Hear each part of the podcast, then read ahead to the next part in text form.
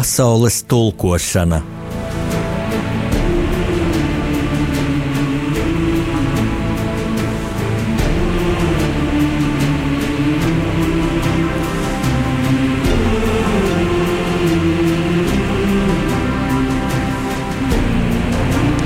Lai slavēts Jēzus Kristus, kopā ar jums, mīļie klausītāji, radio arī Latvijas studijā, atkal Jānis Udris, rakstnieks, tagad jau septiņu grāmatu autors, un šodien es gribu runāt īpaši par savu romānu Meirovics, Trīs Annas, kas ir par Latvijas visu laiku izcilāko valsts vīru Zikfrīdu Annu Meirovicu. Jā, jūs pareizi dzirdējāt, es uzskatu, ka Zikfrīds Anna Meirovics ir un Latvijas vēsturē arī paliks visu laiku izcilākais Latvijas valsts vīrs. Šomēnes, 5. februārī, apritēja 130 gadi kopš e, Mērovica dzimšanas, un man šīs ir bijušas ļoti darbīgas nedēļas. Es biju e, 5. februārī Durbē, kas ir e, Latvijas mazākā pilsētiņa, un e, Zikfrīda Annas Mērovicā dzimtā pilsēta. Es biju arī Tukumā, arī turpmākajās dienās man ir virkne uzstāšanos bibliotekās rīt. Um, pulksten 16. ķēngaraga bibliotekā, ja kāda interesē, un ja es ko nepagūšu šajā raidījuma stundā, uh, pateikt par Mērovicu. Jums būs kādi jautājumi, laipni lūdzu rīt ķengaraga bibliotekā, pulksten 16. ķengaraga biblioteka atrodas Maskavas ielā 271a. Var aizbraukt ar 7. tramvaju, ja braucat ar mašīnu, tur arī ir vieta, kur mašīnu nolikt, un jaunedēļ man ir divas uzstāšanās ārpus Rīgas 1. martā, pulksten 16. 14. Ikšķilē, Ikšķilas tautas namā, tad 1. martā 14. Ikšķilas tautas namā saruna par Meirovicu, un 3. E, martā tā ir piekdiena, pulksten 15. To viegli atcerēties, 3. E, marts, tātad 3. Trešais mēnesis, trešais datums, pulksten trijos Piņķu bibliotekā. Piņķi tepat Rīgas pievārtē. E, būs neparasts temats sievietes izcilāko valsts vīru mūžā, nu, un, protams, galvenais akcents būs uz Meirovicu, jo viņam bija mm, arī sarežģīta, arī pamācoša ģimenes dzīve. Mm, es zinu, ka neviens vien ir pārsteigts, neviens, neviens vien mm, klausītājs, lasītājs. E, tā kā nepiekrīt. Um, kad es Mērovicu apzīmēju par Latvijas un latviešu visu laiku izcilāko valsts vīru.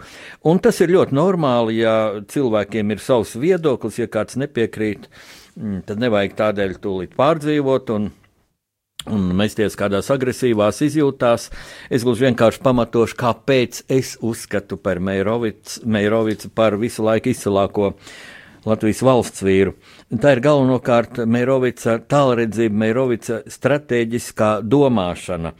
Mēs parasti atceramies, ja vispār atceramies, bieži vien mēs aizmirstam mūsu izcilākos uh, patriotus, viņu dižos darbus, bet, ja atceramies, tad par Meirovicu atceramies, ka viņš mm, daudz darīja, ka viņa galvenais nopelns ir Latvijas starptautiska atzīšana, atzīšana de facto, kas notika jau 1918. gada 11. novembrī. Es nepārteicos 11. novembrī, nedēļu pirms Latvijas valsts proklamēšanas, Lords Balfūrs, Britu ārlietu ministrs, viens no pasaules ietekmīgākiem tā laika politiķiem, Meirovicam pasniedza oficiālu rakstu, ka tātad Latvijas pad, Nacionālā padome tiek atzīta par Latvijas varas, latviešu tautas oficiālo pārstāvi. Tas nozīmē, ka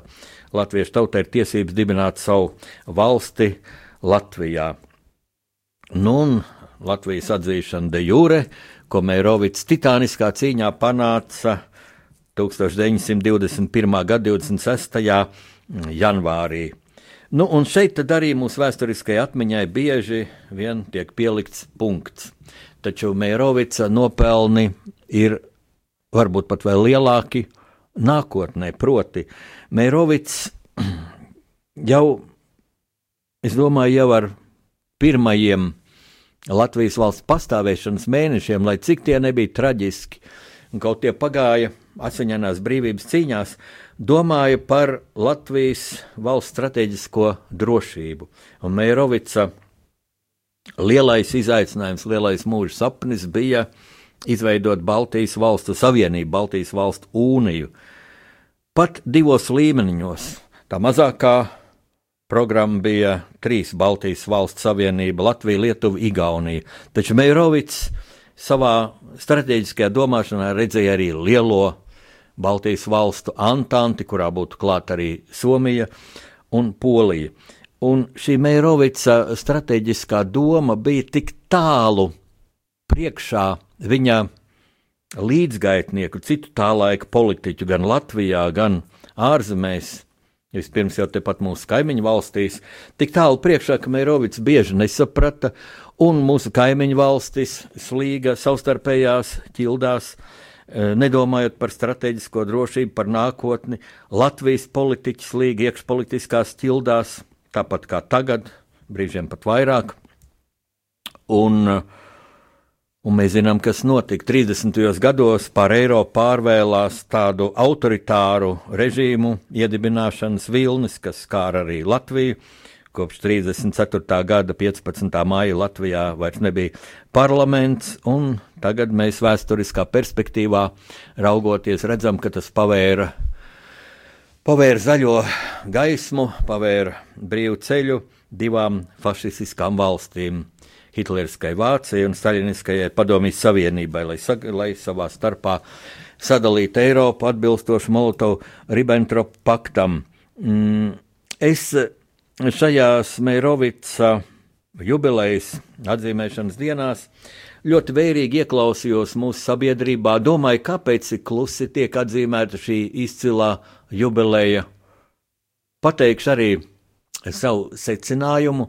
Viens no iemesliem varētu būt tas, ka mūsu šodienas politiķi mm, varbūt apzināti, varbūt zemapziņā jūt, cik ļoti viņu profesionālisms, cik ļoti viņu politiskā morāle, viņu valstiskās piedarības apziņa atpaliek no tās ļoti augstās latiņas, no tās ļoti augstās profesionālisma morāles patriotismu latiņas, kuru uzstādīja Meirovits.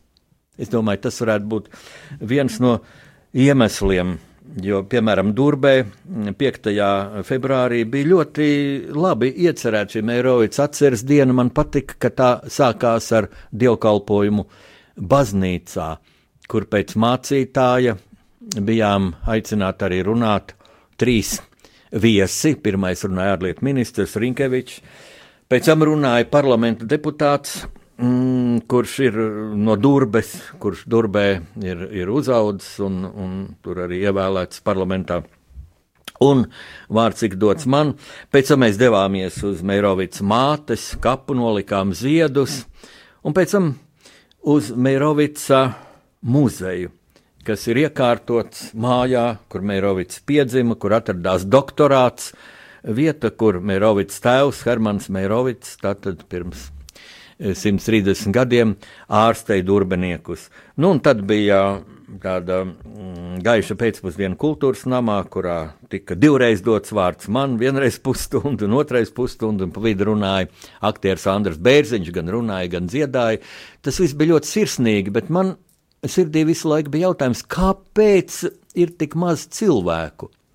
Es sāku savu uh, uzstāšanos tur Durbas kultūras namā, es teicu, nu jā, te ir redzams, ka Durba ir mazākā pilsētiņa Latvijā. Tur dzīvo kāds pustūkstots cilvēku. Nu, ja, bet nu, zāle vienalga varēja būt pilna, jo tur jau nav tūkstošiem vietas, tur kādi simt cilvēki taču varēja atnākt. Bet nē, bija mazāk. Nu, kultūras namā bija, jā, nu, kur, kurš negrib klausīties bērziņu, un arī es nevaru žēloties par, par publikas interesu trūkumu, bet, lūk, baznīcas rindas bija patukšas. Un, un te nu man ir lielais jautājums. Es paskatījos interesi pēc internetā. Uh, Durbē ir, Durbas novadā ir astoņi deputāti. Astoņi deputāti. Nu, varbūt es tagad uh, grēkošu, varbūt tur bija vēl kāds, bet nu, kā man vietējie, vietējie cilvēki komentēja, tur bija klāt tikai domas priekšsēdētāja vietnieks. Nu, kāpēc nietnāt šie pārējie deputāti, tas tomēr būtu tāds patriotisks pienākums pret savu izcilo novadnieku, un es pat teiktu, um, ka durbeniekiem vajadzētu atcerēties, kuri tur bija un kuri tur nebija tuvākajās pašvaldību vēlēšanās. Jo nu, tā ir tāda faktiski necieņa pret savu novadu, pret savu novadu vēsturi, vai šie cilvēki ir cienīgi tikt ievēlēti. Tad vēl iebraucot Durbē, man patika, ka tur karājās karogi pie mājām, bet, es vai, vai vērīgāk paskatījos, nu varbūt pie katras trešās mājas, kā man teica Durbes novada dome, aicinājusi izlikt karogus, nu ar varu laikam nevienu nespieda, bet vai tad Durbes cilvēkiem sirds neaicināja izlikt šo karogu, vai tad viņi nejūt nekāda ne mazāko lepnumu par savu izcilo novadnieku. Nu, lūk, tāds dīvains pārdoms, kāpēc ļoti labi iecerēta atceres diena tomēr piesaistīja tik maz uzmanības. Un tad izvērsās tur Durbas muzejā, Meirovicas muzejā, mm, tāda tā kā diskusija. Man arī vietējie žurnālisti prasīja man viedokli, e, ko darīt ar, ar, ar to situāciju, ka nekas nav nosaukts Meirovicas vārdā Durbē. Uh, Jā, 30, 1931. gadā tika nosaukta centrālā iela, Durbē, Mērovics iela, bet pēc padomju okupācijas 40. gada septembrī šī iela tika pārdēvēta par Aiņu ielu. Un, lūk, cilvēki tā mm, pauda tādu domu, nu, kad vajadzētu atpakaļ to ielu pārdēvēt par Mērovics ielu. Un Durbē ir tā īpatnība, ka tā ir vienīgā lielā iela, un tad ir tikai mazas tērsieliņas. Es pareizi sapratu, tā tagadējā Raņa iela ir nu, kādreizējā centrālais ceļš, kas gāja cauri pilsētiņai. Tagad, protams, tur tālāk, pāris kilometrus tālāk, ir moderna šosei. Tā kā jūs braucat uz Liepāju, tad jūs Durbē pat neiebraucat iekšā.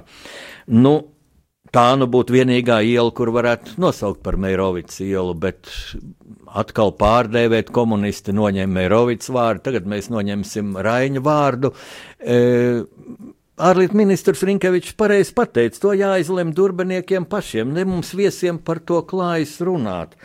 E, bet, kad es teicu vietējā mm, kurzemes laikraksta žurnālistei, mm, kad es nedomāju, ka tas būtu pats svarīgākais jautājums, man bija prātā tā problēma, ka vai gan daudz svarīgāk nebūtu padomāt, kāpēc tik maz cilvēku atnāk pieminēt Meirovicu. Un tad mēs varam nosaukt ielas vai komunistu laikā pilsētas pārdēvēju kaut kādu politiķu vārdā, piemēram, aizkraukli tika pārdēvēta par stučku, ja, kas bija ļoti, nu, tāds necieņas izrādīšana Latvijas vēsturē, latviešiem, jo mēs zinām, Pēters Stučks asiņainā režīma pēdas Latvijā. Um, Es domāju, ka šāda ielas pārdēvēšana tas nav tas galvenais. Galvenais būtu padomāt, kāpēc mūsu vēsturiskā atmiņa ir tik vāja, kāpēc mēs niet, tik maz vērības pievēršam Zikvīdanas Meirovica vēsturiskajam mantojumam. Es tagad E, gribētu pieteikt muzikālu pauzi un padomāsim visi par to un kopīgi atlikušajās mūsu pārunu stundas minūtēs padomāsim par to.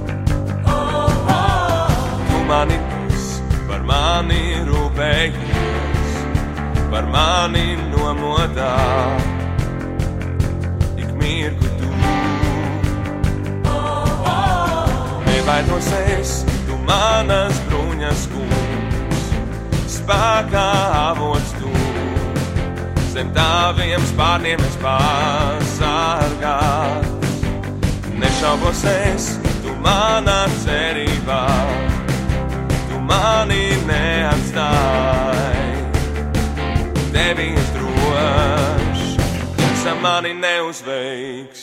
Tu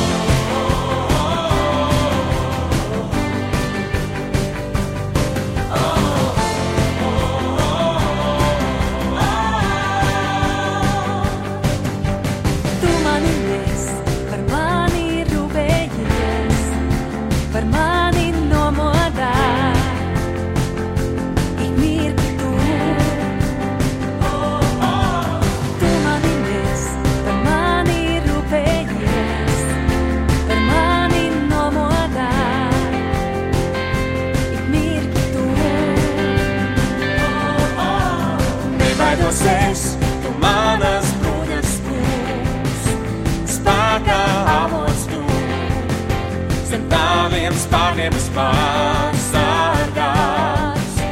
Nešaubos es, tu manā cerībā, tu mani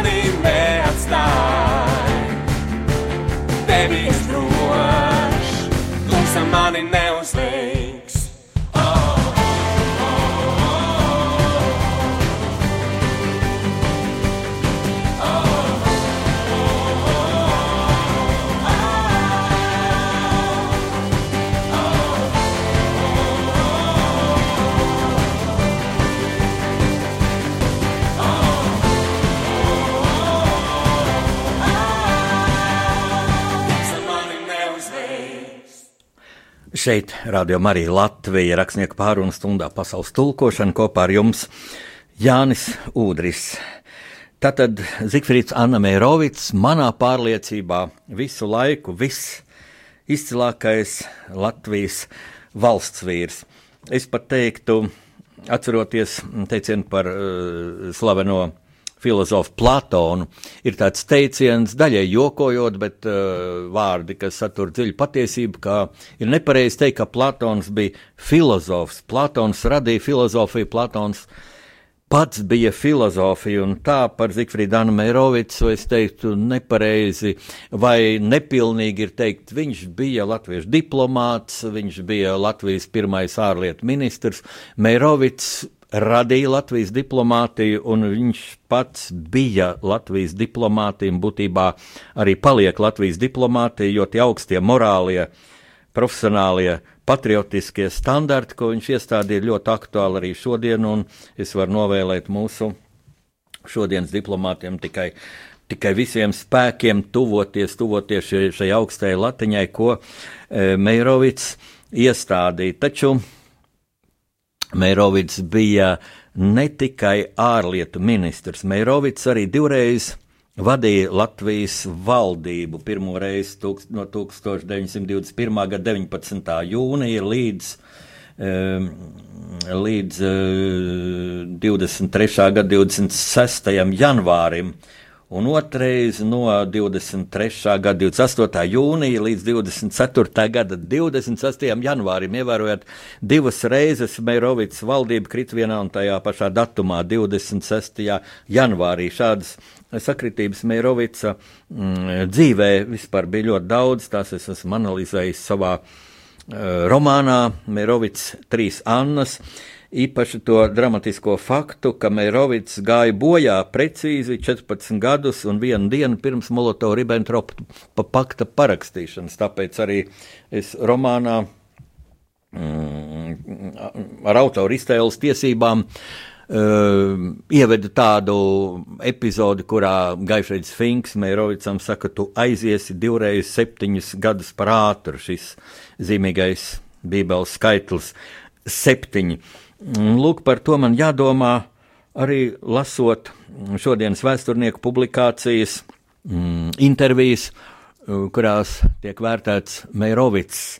Mm, kad bieži es nevaru piekrist mūsu vēsturnieku tēzēm, un šoreiz es gribu pavisam jaunu interviju minēt.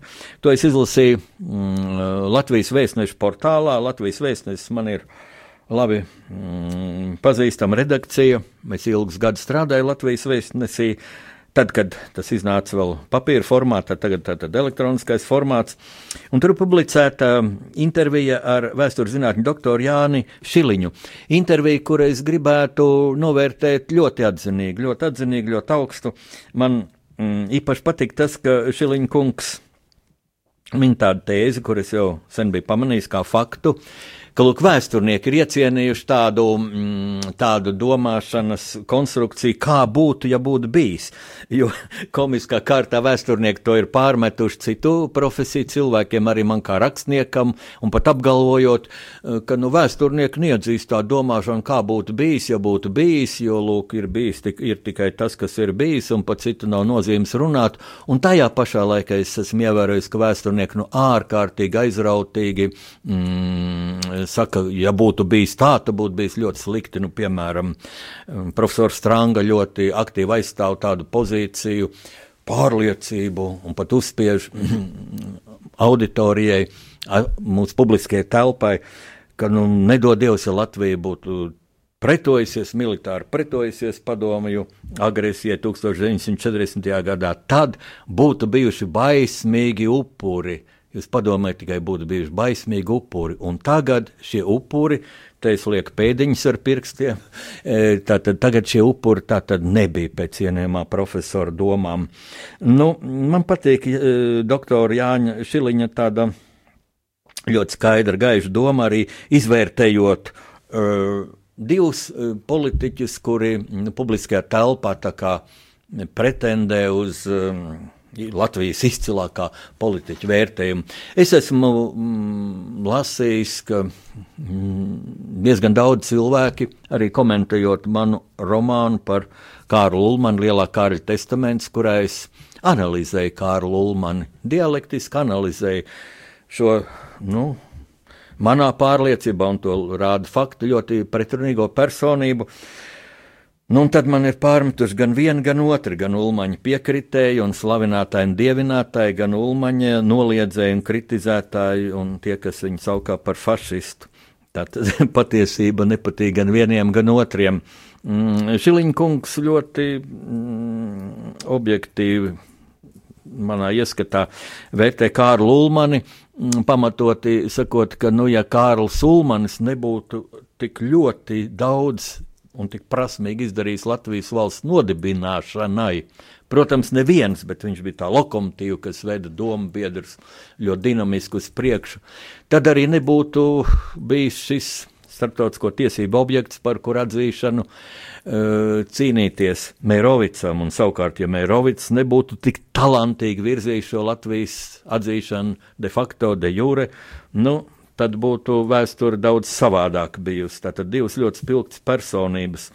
Bet Tālāk arī šajā intervijā ir ļoti pam pamatoti atzīmēts, ka liela nelaime Latvijas drošībai, Latvijas starptautiskajām pozīcijām nodarīja parlamentu iznīcināšana, kas tolaik tā tad notika daudzās Eiropas valstīs, kad iedibinājās autoritatīvi režīmi. Nu, un visas šīs valstis kļuva par vienas vai otras agresīvās lielvalsts, vai nu Padomju Savienības, vai Hitleriskās Vācijas agresijas upuriem izņemot Somiju, kur pretojās Padomju Savienībai un saglabāja savu valstiskumu. Jā, ar lieliem zaudējumiem, bet Padomju Savienībai un sarkanai armijai bija daudz lielāki zaudējumi. Un Somija parādīja, ka maza tauta var cīnīties par savu neatkarību un ka tas ir jādara. Es pat teiktu, ka ir amorāli diskutēt, vai par savu valsti vajag cīnīties. To vajag darīt, Jo tad jau mēs sāksim diskutēt arī, vai tev vajag aizstāvēt savu māti, savu tēvu, savu sievu, savus bērnus. Tas ir amorāli. Ir, ir jācīnās, un man kāda kristiete, man eh, Rīgas Lutera draugs locekle, uh, Liena Sestule, viņa ir Latviešu Nacionālo partizāņu komandiera Jāņa Sestuļa meita, un ir bērnībā vairākus gadus dzīvojusi partizānu bunkurā vidzemē. Viņa šādā diskusijā teica, mm, Dievs grib, lai cilvēks cīnās aizstāv savu valsti, savu brīvību. Un, ja Dievs redzēs, ka cilvēks ir gatavs aizstāvēt savu brīvību, tad Dievs dos tādu palīdzību, ka cilvēkam ne sapņos. nav rādījusies. Nu, lūk, bet eh, šajā uh, doktora Jāņa Šiliņa mm, intervijā man pārsteidz kāds aspekts. Ļoti pārsteidz, un šeit es kategoriski nevaru piekrist. Pie, nevar piekrist, tas pat nav īstais vārds. Nu, Šiliņa kungam ir. ir mm, ir tiesības uz savu viedokli, man tiesības uz savu viedokli, bet man vienkārši pārsteidz, ka tā var domāt, un pēkšņi kaut kur pazūd loģika. Proti, e, žurnālists, kur arī es labi pazīstu, esmu strādājis kopā, uzdot tādu jautājumu, ļoti būtisku jautājumu, kā būtu mm, veidojusies Latvijas vēsture, ja mm, Meirovits nebūtu gājis bojā tik agri, 38 gadu vecumā, tad 1925. gadā. Vai Latvijas vēsture būtu bijusi savādāka, un te nu vēstures zinātņu doktors Jānis Šiliņš man ļoti pārsteidza tādu atbildi. Nu, uh, Nav, es, man nav klāts šī, šī izdruka, es tātad pēc atmiņas citēšu. Nu, liels jautājums, vai Ulmanis būtu novērtējis Mērovics spējas un vai pēc 34. gada apvērsuma būtu nu, uzticējis ārlietas vadīt. Nu, varbūt kaut kur uz beigām, jau tuvojoties 40. gadam, varbūt tad būtu, varbūt nebūtu. Uh, Nu, apmēram tā, tātad kā visvarenais Kārls Ulmanis būtu izturējies pret Mērovicu. Un te es, man uz brīdi iestājos par tādu kā, kā šoka stāvoklis, par tādu pieņēmumu, jo, jo es esmu pārliecināts, un es tā arī rakstu savā romāna otrā izdevuma ievadā, uh, Es esmu pārliecināts, ka, ja Mērovics nebūtu gājis bojā autoavārijā, tad nebūtu bijis Ulmaņa autoritārais apvērsums. Tad Latvijā būtu parlaments. Tad 34. gadā, kad Padomju Savienība izteica ultimātu ne tikai Somijai, bet arī Latvijai, Lietuvai, Igaunijai, un ka trīs Baltijas valstis izņemot Somiju, tātad pieņemšu ultimātu atļauju padomu savienībai ierīkot savas militārās bāzes, un pēc tam jau 40. gadā, kad padomu savienība izteica vēl nekaunīgāku ultimātu nomainīt valdību, būtībā iecelt, apstiprināt Maskavā sastādītas marionešu valdības, un tā tālāk, kad parlaments tam noteikti nebūtu piekritis, jo Somijā vienīgajā no šīm e, mazajām valstīm pie Baltijas jūras bija parlaments, un parlaments nepiekrita šiem padomju ultimātiem. Mm.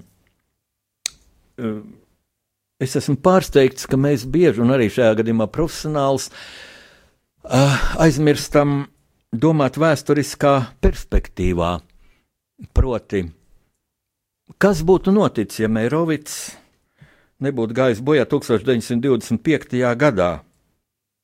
Jo līdz tam es neteiktu, ka bija milzīga starpība starp Ulmanu un Meirovicu, teiksim, kurš ir populārāks, kuram ir lielāka autoritāte. Un, kad es vērtēju tā laika faktus, ja, šos septiņus gadus no Latvijas valsts nodibināšanas līdz Meirovics bojā ejai, tad man bieži liekas, ka svara kausi svers par labu tieši Meirovicam.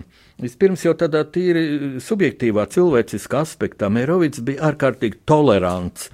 Daudzi mm, laika biedri un daudz dokumentu liecina, ka viņam nebija ienaidnieki, viņam bija arī maz draugu, bet viņš prata runāt arī ar politisko opozīciju.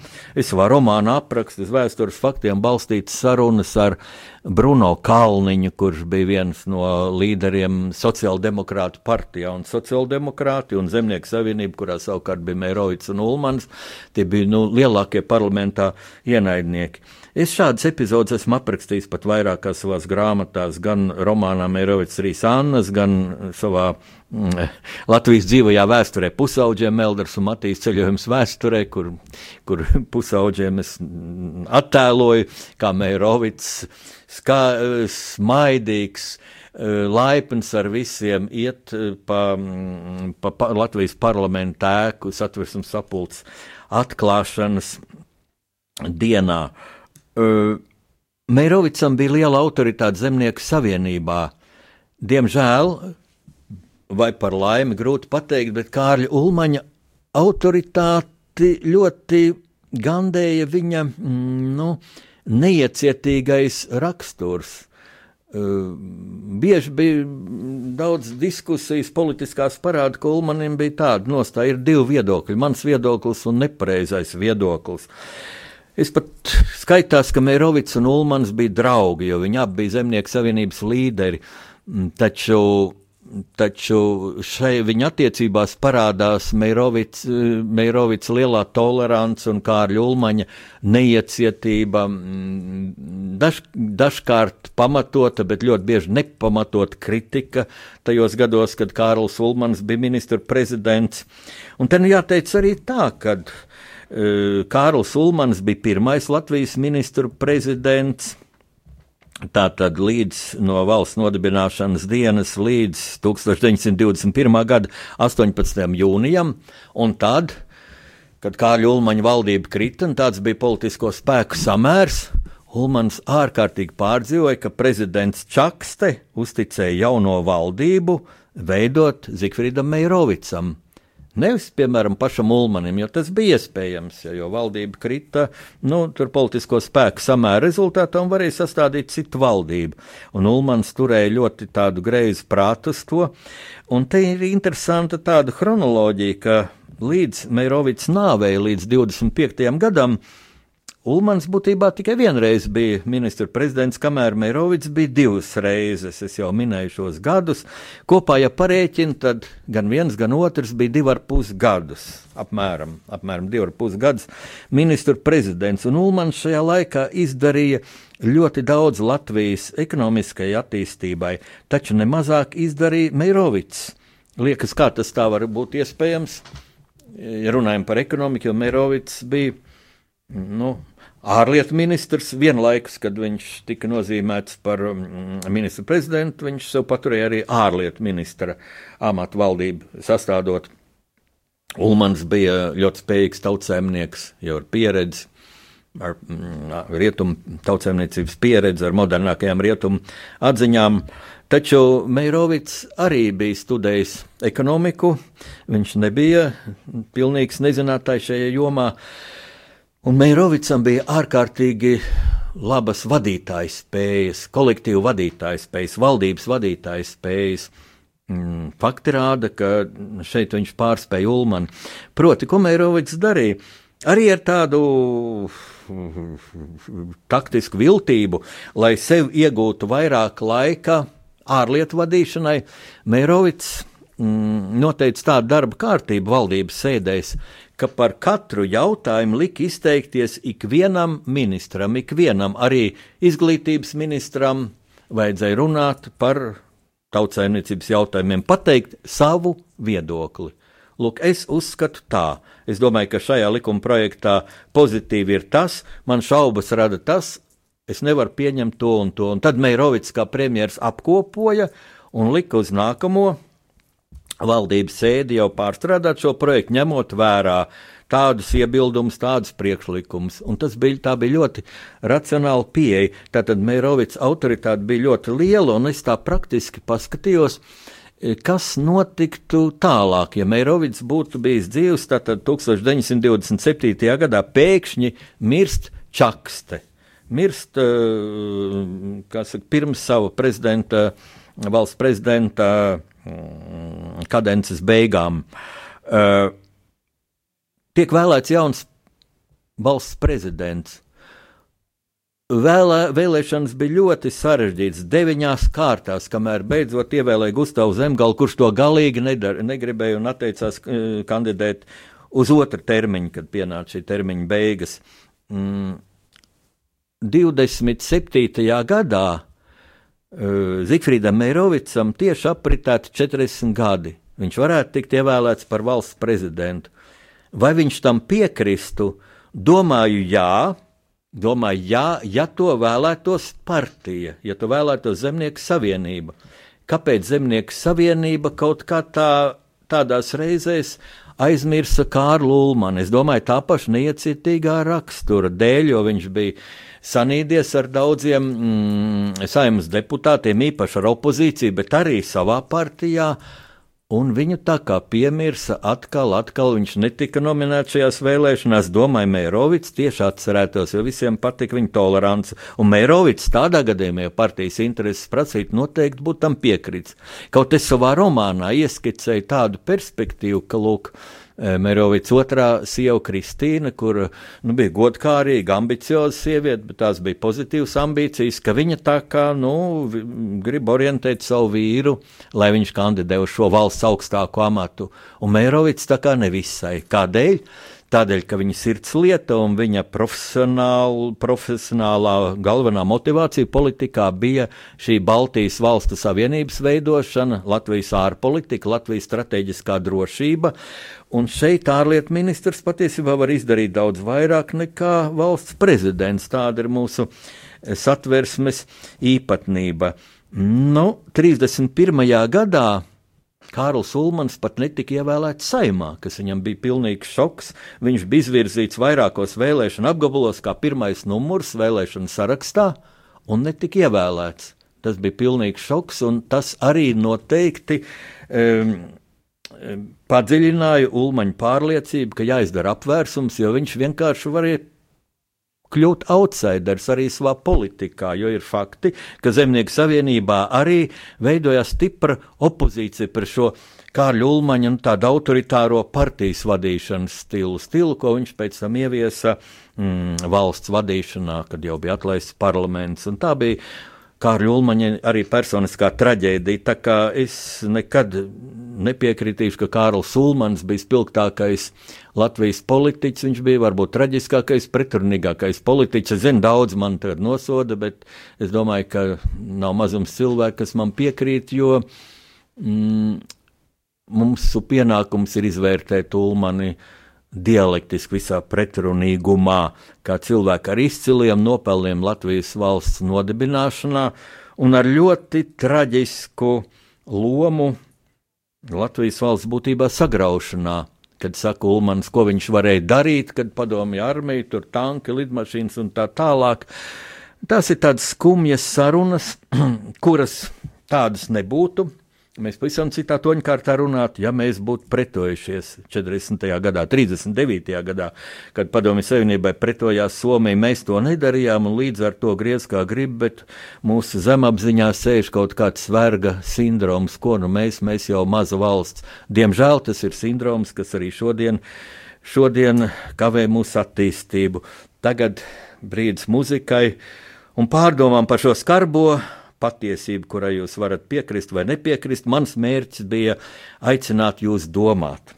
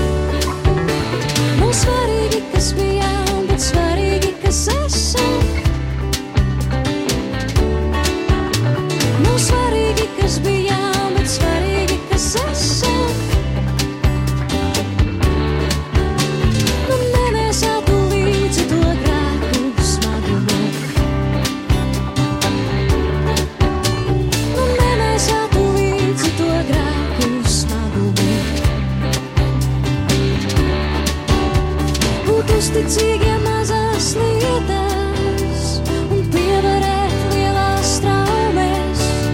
Būt uzticīgiem mazās lietās un pievarēt lielās traumas. Būt uzticīgiem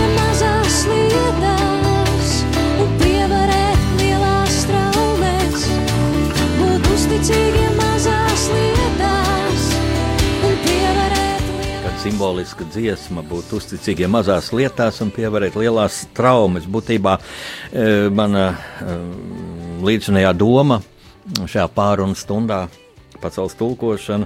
Bija par to, kā arī tādās sīkās, kā epizodēs, sīkās nesaskaņās parādījās ļoti atšķirīgā divu lielu politiķu.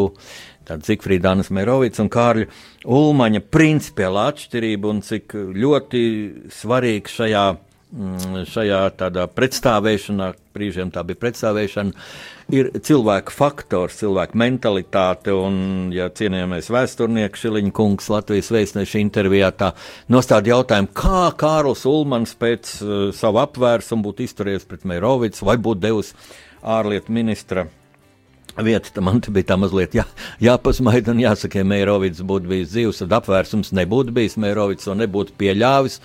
Jo, ja Ulmans jau 31. gadā netika ievēlēts pat saimā, te būtībā būtu sācies ļoti strauji Kārļa Ulmaņa mm, politiskais noriets. Eh, jo vairāk tādēļ, ka būtu blakus tāda politikas zvaigzne kā Meirovics, nu vai viņš būtu ievēlēts par valsts prezidentu, jo tas nav tas pragmatiskākais amats valstī. Nu, diemžēl saima nosaka, tas, mūsu satversme nosaka, tas ir tā tāds nu, vairāk reprezentatīvs amats.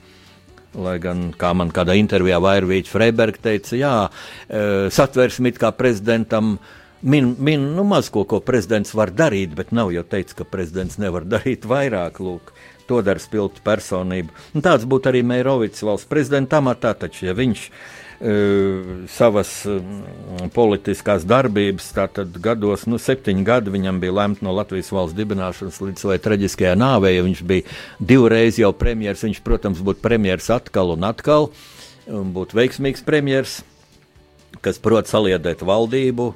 Labam darbam, kas prot atrast uh, racionāls kompromiss arī ar opozīciju. Uh, un tad, nu, būtībā jautājums ir, vai kā Meirovics izturētos pret Kāru Ulmanu, un es esmu pārliecināts, ka viņš izturētos objektīvi, kā pret spējīgu tautsēmnieku, un, un noteikti Ulmanim alaži atrastos vietu valdībā, gan kā zemkopības ministram, vai arī, ja Meirovics būtu valsts prezidents, tad viņš droši vien uzticētu Kārlim Ulmanim nereiz vien e, veidot valdību. Un Latvijai būtu bijis daudz labāks liktenis, daudz labvēlīgāks liktenis. Arī tajā, ka, protams, Molotovu-Ribbentropu paktu Meirovics nenovērstu. Protams, Latvijai būtu jās, jāsastopas ar Padomju Savienības ultimātiem, taču es domāju, Latvija būtu karojusi, e, jo visa latviešu tauta un īpaši armija alka aizstāvēt savu valsti, un nebūtu notikusi tā lielā traģēdija ka, lūk, nepretojoties, pakļaujoties nekaunīgajām padomju savienības prasībām, mums plaukstošai valstī ar ļoti patriotisku un labi trenētu, labi sagatavotu armiju. Jā, ieroči nebija paši modernākie, bet līdzīga situācija bija Somijam. Uh, ka mums tika uzspiests šis lūzera sindroms, ka mūsu valsts izlaupīja, mūsu sūtīja uz Sibīriju. Upuri bija briesmīgi. Es esmu runājis ar militāriem speciālistiem, ar ģenerāli Kārlu Krēsliņu.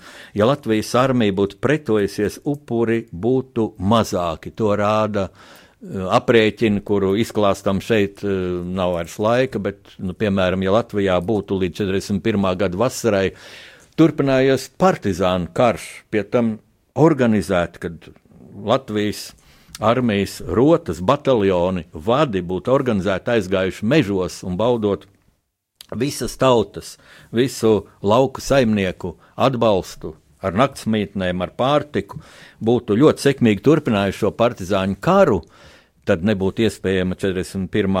gada 14.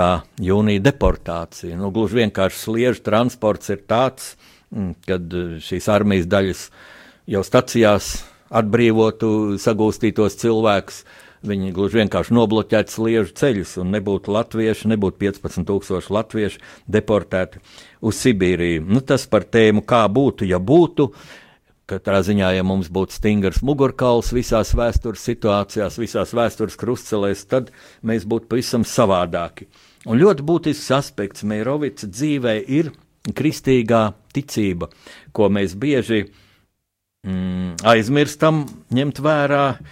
Varbūt tā ir apzināta tāda izvairīšanās no vēsturiskās patiesības, bet es uzskatu, ka tik spilgtai personībai kā Meirovics nav pieļaujama kāda noklusēšana Un bez tam, ja neņemam vērā visus faktus par Meirovicu izcelsmi, tad ir grūti izprast šī cilvēka ģenialitāti.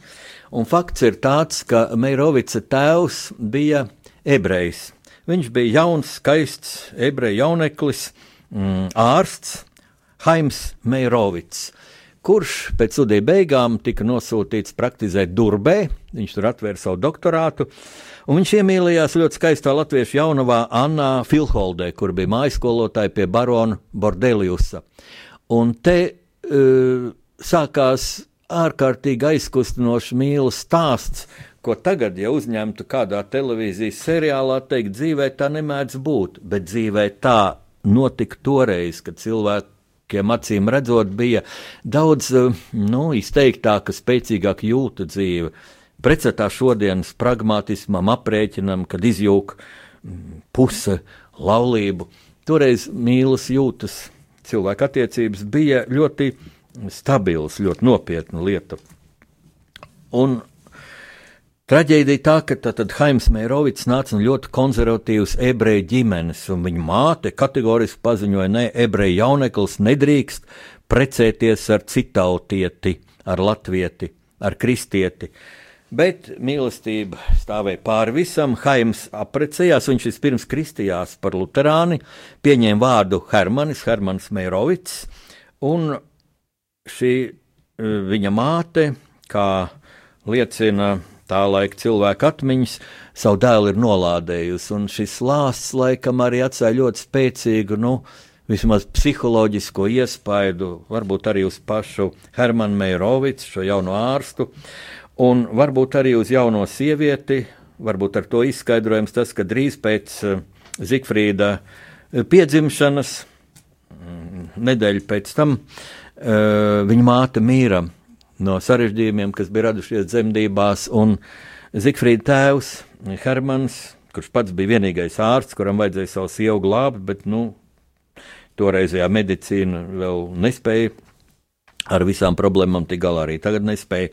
Viņš zaudēja mm, garīgo līdzsvaru, tātad no, nokļuva psihiatriskajā slimnīcā. Un Zikfrīda Meirovica dzīve līdz ar to bija ļoti mm, skarba psiholoģiski, ne materiālā ziņā, jo viņa audzināja mātes brālis, kas bija pedagogs. Viņš guva labu izglītību, beidza kabelē pamatskolu, tukumā vidusskolu, um, pēc tam studēja Rīgā, bet šī bērnības, šī dvēseles sāpe gāja līdz visu mūžu. Mm, un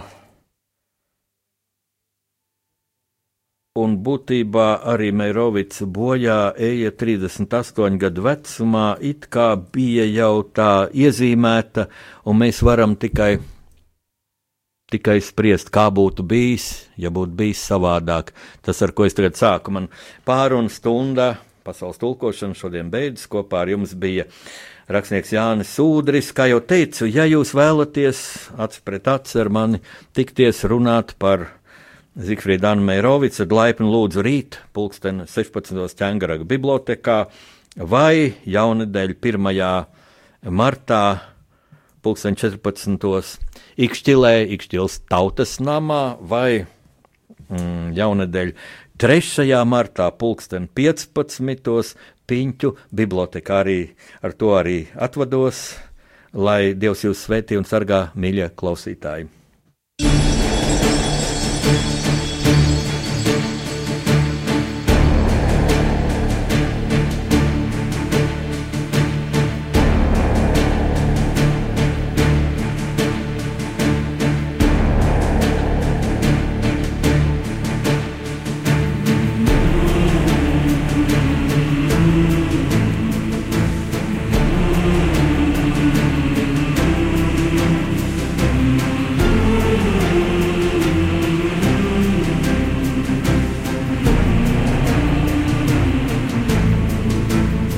Pasaules tulkošana.